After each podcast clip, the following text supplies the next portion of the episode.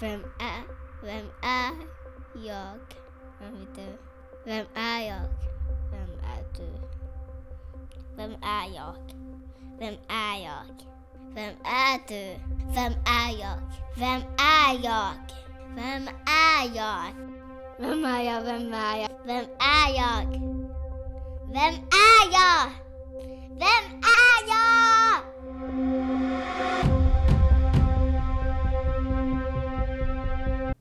Hej och välkommen till tionde och sista avsnittet av podcasten Vem är jag? En podd var jag vill samtala kring den inte så lilla frågan vad som definierar vem en människa är. Med utgångspunkt i mitt eget sökande. Det här avsnittet är ju egentligen bara det sista i vad vi skulle kunna kalla säsong 1 av Vem är jag? Och jag har därför valt att säga tack och adjö till det gångna året och välkomna det nya genom att klippa ihop annars bortklippta delar eller delar i de avsnitt jag publicerat som berört extra mycket. Jag önskar er alla ett gott nytt år och stort tack för att ni har lyssnat.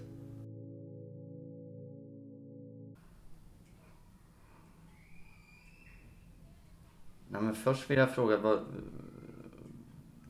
vad tänker du definierar vem en människa är? Alltså vem man är som människa. Har du några tankar kring det? Ja, det, det är inte lätt. Det är klart man har... Man bildar sig ju en uppfattning om en människa. Det gör man ju. Men sen, eh, sen får man ju inte vara för snabb där heller. För att det kan ju vara så att, att man får en negativ inställning till en människa från början. Ja. Och, och det är fel. Jo. För det, det, sen kan det visa sig att det, det skulle man inte haft. För det är en helt annan människa än vad man trodde då. Ja. Först. Ja. Och, och eh, vad en människa är, sa du. Ja, ve- vem, Ja. vem är jag till exempel? Ja. Vem är du? ja. För är, jag, har- läst lite ja om det det. är svårt. det. Ja, Ja. och Alltså my, mycket när man träffar människor och sådär och de Mm. frågar eh, vem är du eller, eller man frågar väl sällan det. Man kanske frågar vad, vad gör du? ja, just det. Ja. Alltså de vill veta vilket yrke man har, Ja. vilken social ställning man ja, har det är väl sådär. det. För de vet ju lite hur de ska prata. Ja. ja. Eh, Men det är ju inte vem man är som Nej, människa. nej. Nej.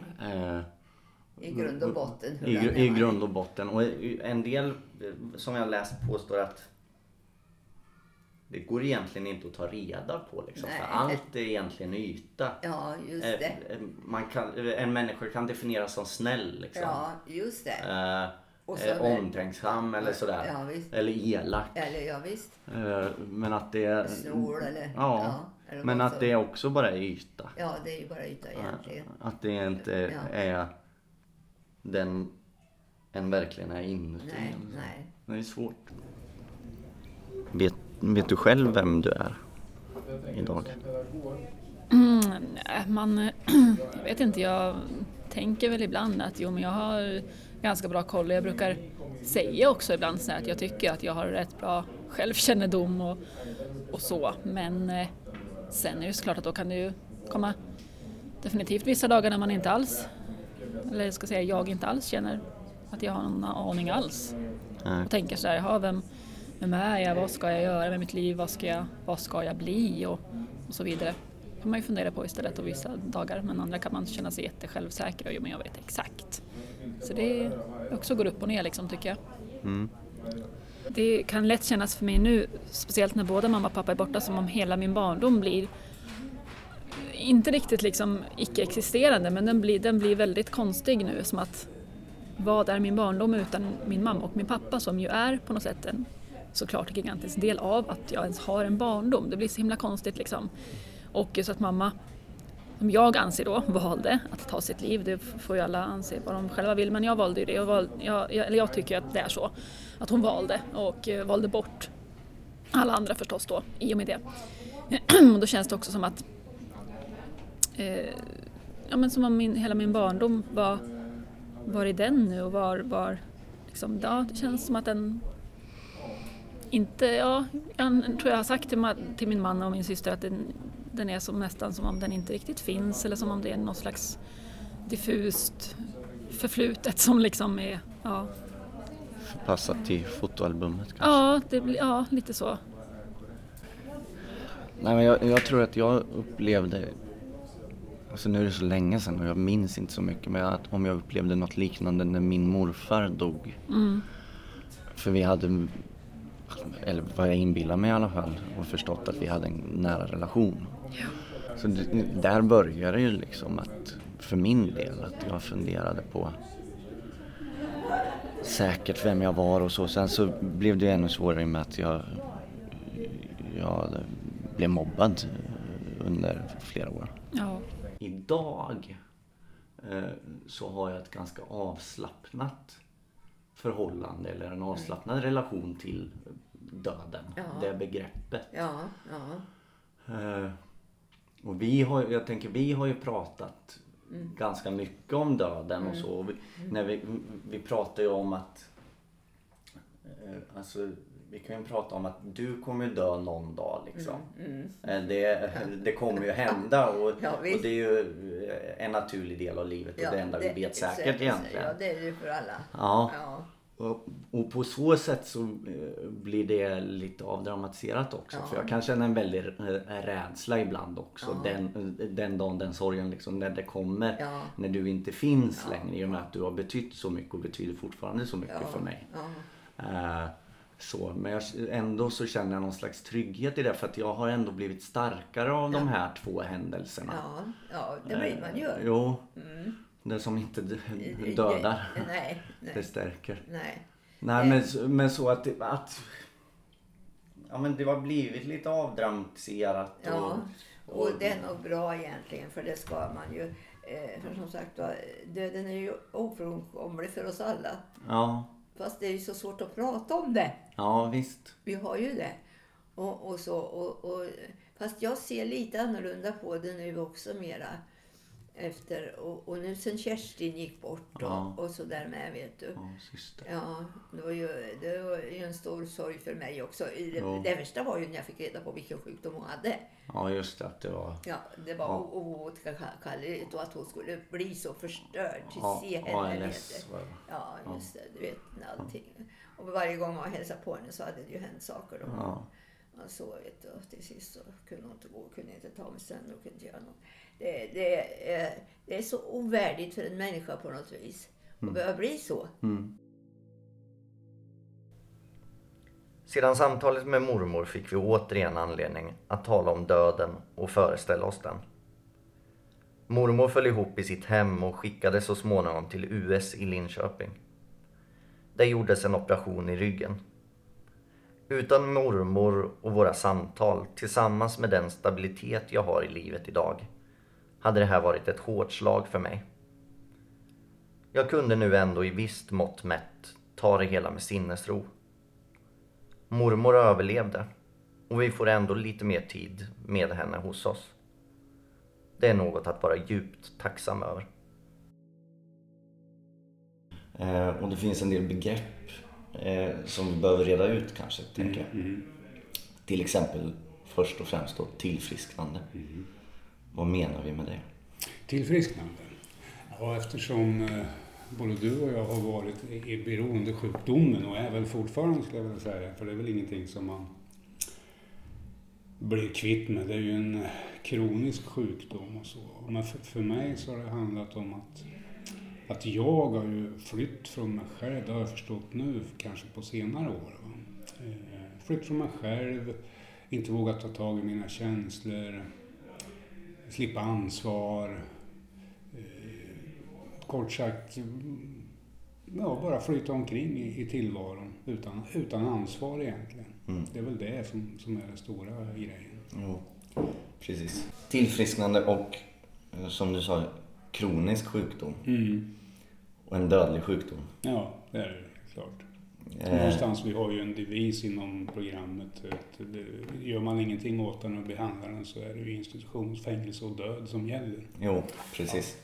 Men, men det är ju också det att den är ju behandlingsbar. Det är det Helt vi klart. menar med tillfrisknande. Mm.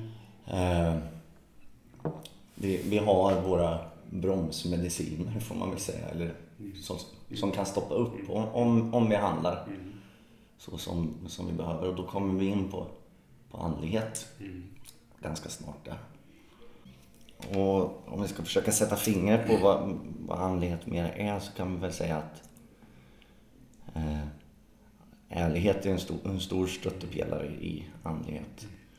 Att vi är ärliga, eh, försöker göra gott, eh, ta ansvar.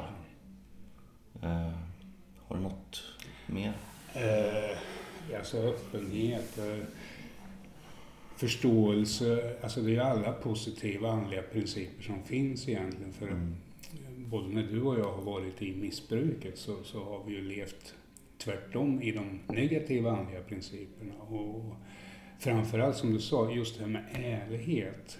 Det är nog eh, punkten ett för, för själva tillfrisknandet för mig har varit. Va? Ja, håller med. Och, och, eh, jag har ju tidigare i mitt liv varit en väldigt dömande person. Jag har varit väldigt eh, oförstående mot andra. Jag har eh, kort sagt varit min egen gud och någonstans så på den här resan nu som jag har gjort så har jag förstått att andligheten och de positiva andliga egenskaperna, ärlighet, öppenhet, eh, förståelse, eh, kort sagt leva ett liv där värderingar gäller som är sunda. Och det har ju alla människor från början, tror jag.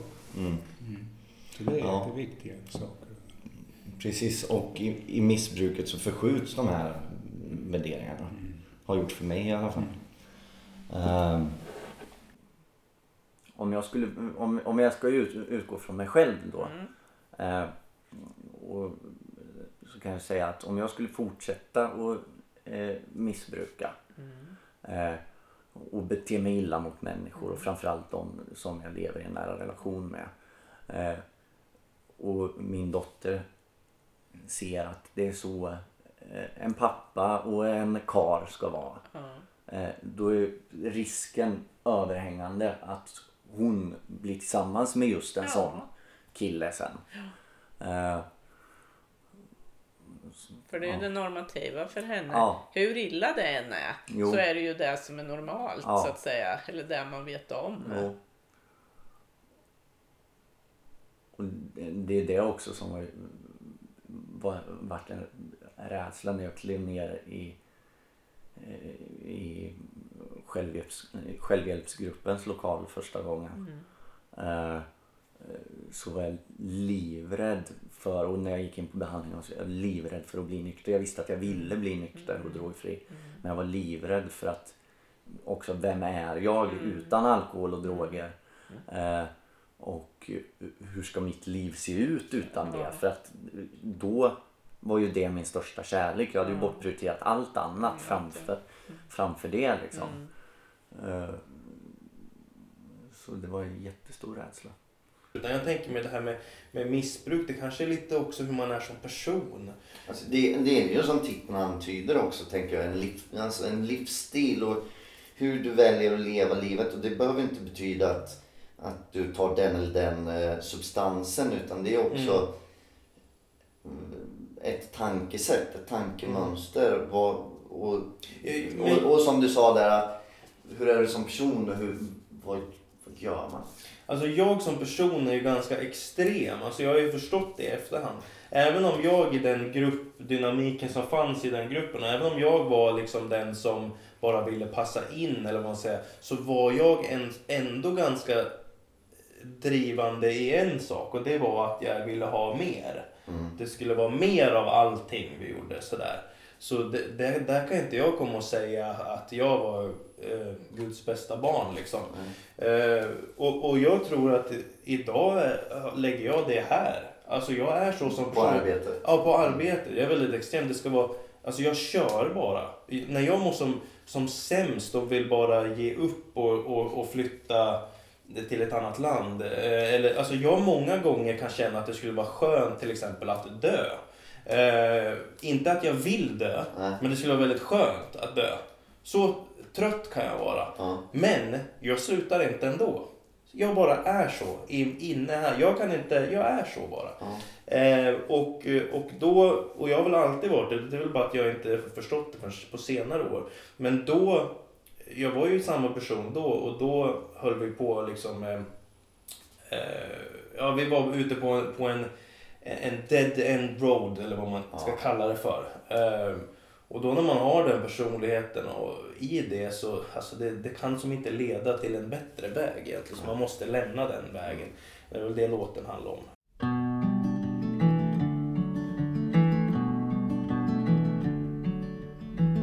What's on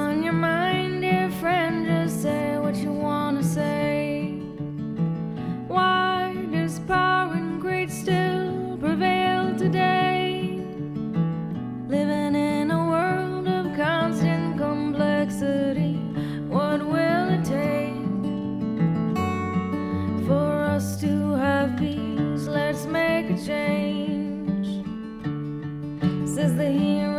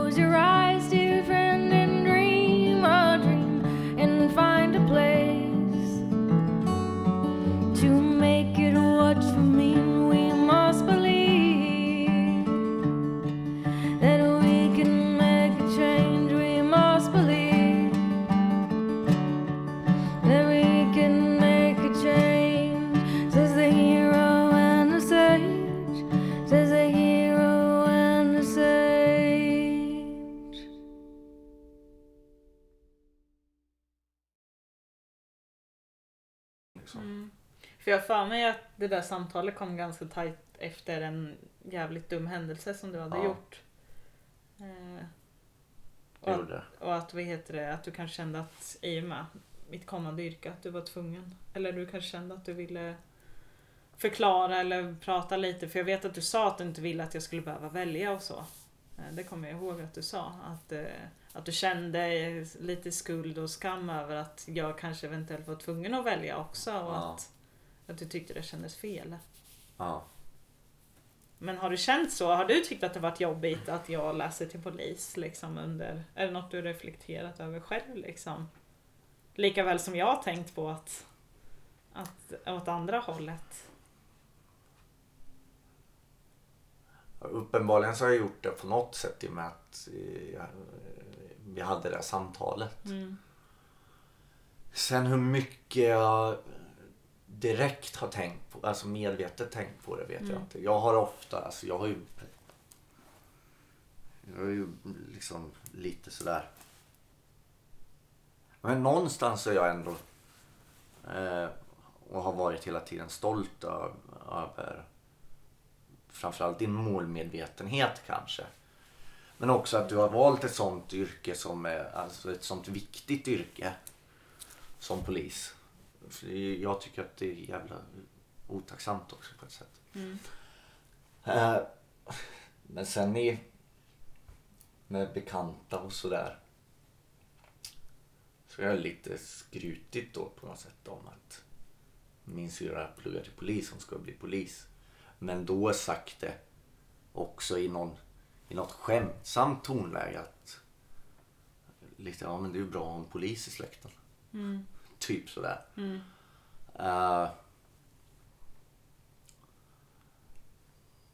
Det har, just den biten har ju varit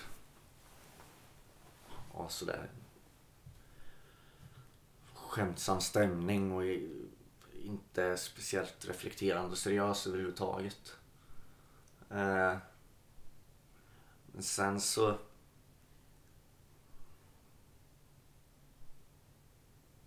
jag försöker svara på frågan.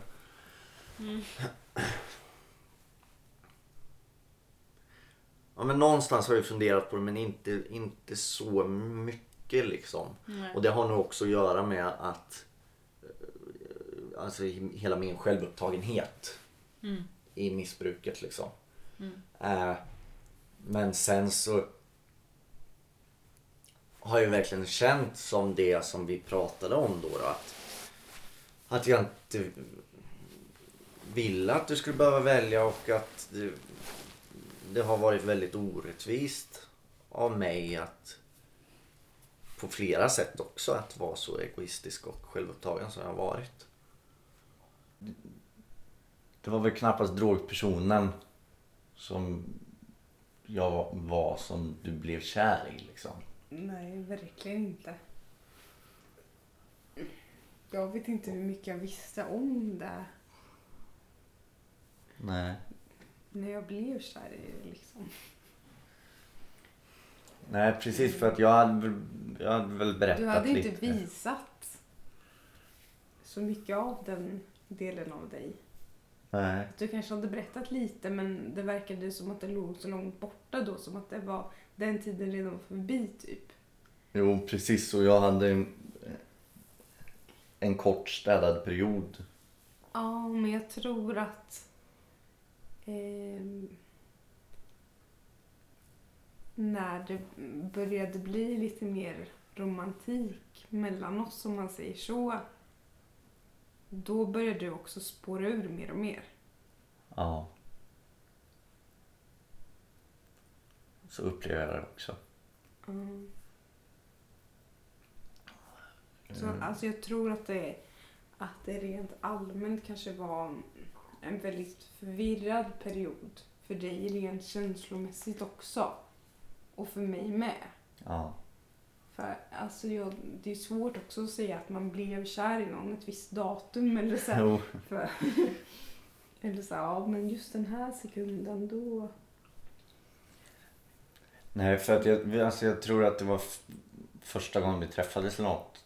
Eh, Då satt vi hemma hos dig först och snackade massor massor. Mm. Och sen gick vi ut på krogen och var nyktra Mm. båda två. Eh, och vi pratade lite om det här. Jag, hade som sagt, jag berättade väl lite kort eller något om att jag hade druckit för mycket och att jag var nykter nu och bla bla bla. Mm. Eh. Du berättade väl flera mer osmickrande saker om dig själv. Men du gjorde det på ett ganska lättsamt sätt. Så att det nästan blev lite humor av det. Ja, Alltså lite så svart humor då. jo. Och nästan kanske mer att det var lite synd om dig. Ja, det kan jag tänka mig. Jag ty- tyckte nog då att det var väldigt synd om mig. Mm. Jo, Alltså, alltså själv, liksom- Självömkan hos en, eh, en missbrukare är ju grymt stor. Mm. Men alltså det var väl lite så här äh, i en jobbig period också. Ja, Och att det då låg nära till hands kanske att bara dra upp negativa saker med dig själv och typ skoja om det mm. lite. jo. Alltså för det blev ju ganska skämtsamt och vi var ju ganska öppna mot varandra. Ja, det var vi verkligen. Och jag minns att du pratade väldigt illa om droger. Gjorde jag det då? Ja, det gjorde du. Vad sa jag då? Var det för att du hade sagt något om det? Eller var det Nej. jag som började själv föreläsa? Nej, det, jag- det vet jag inte. På något sätt så, så kom vi in på det. Jag vet inte om det var jag som försökte känna av stämningen liksom eller något. Vadå för att se om jag ville?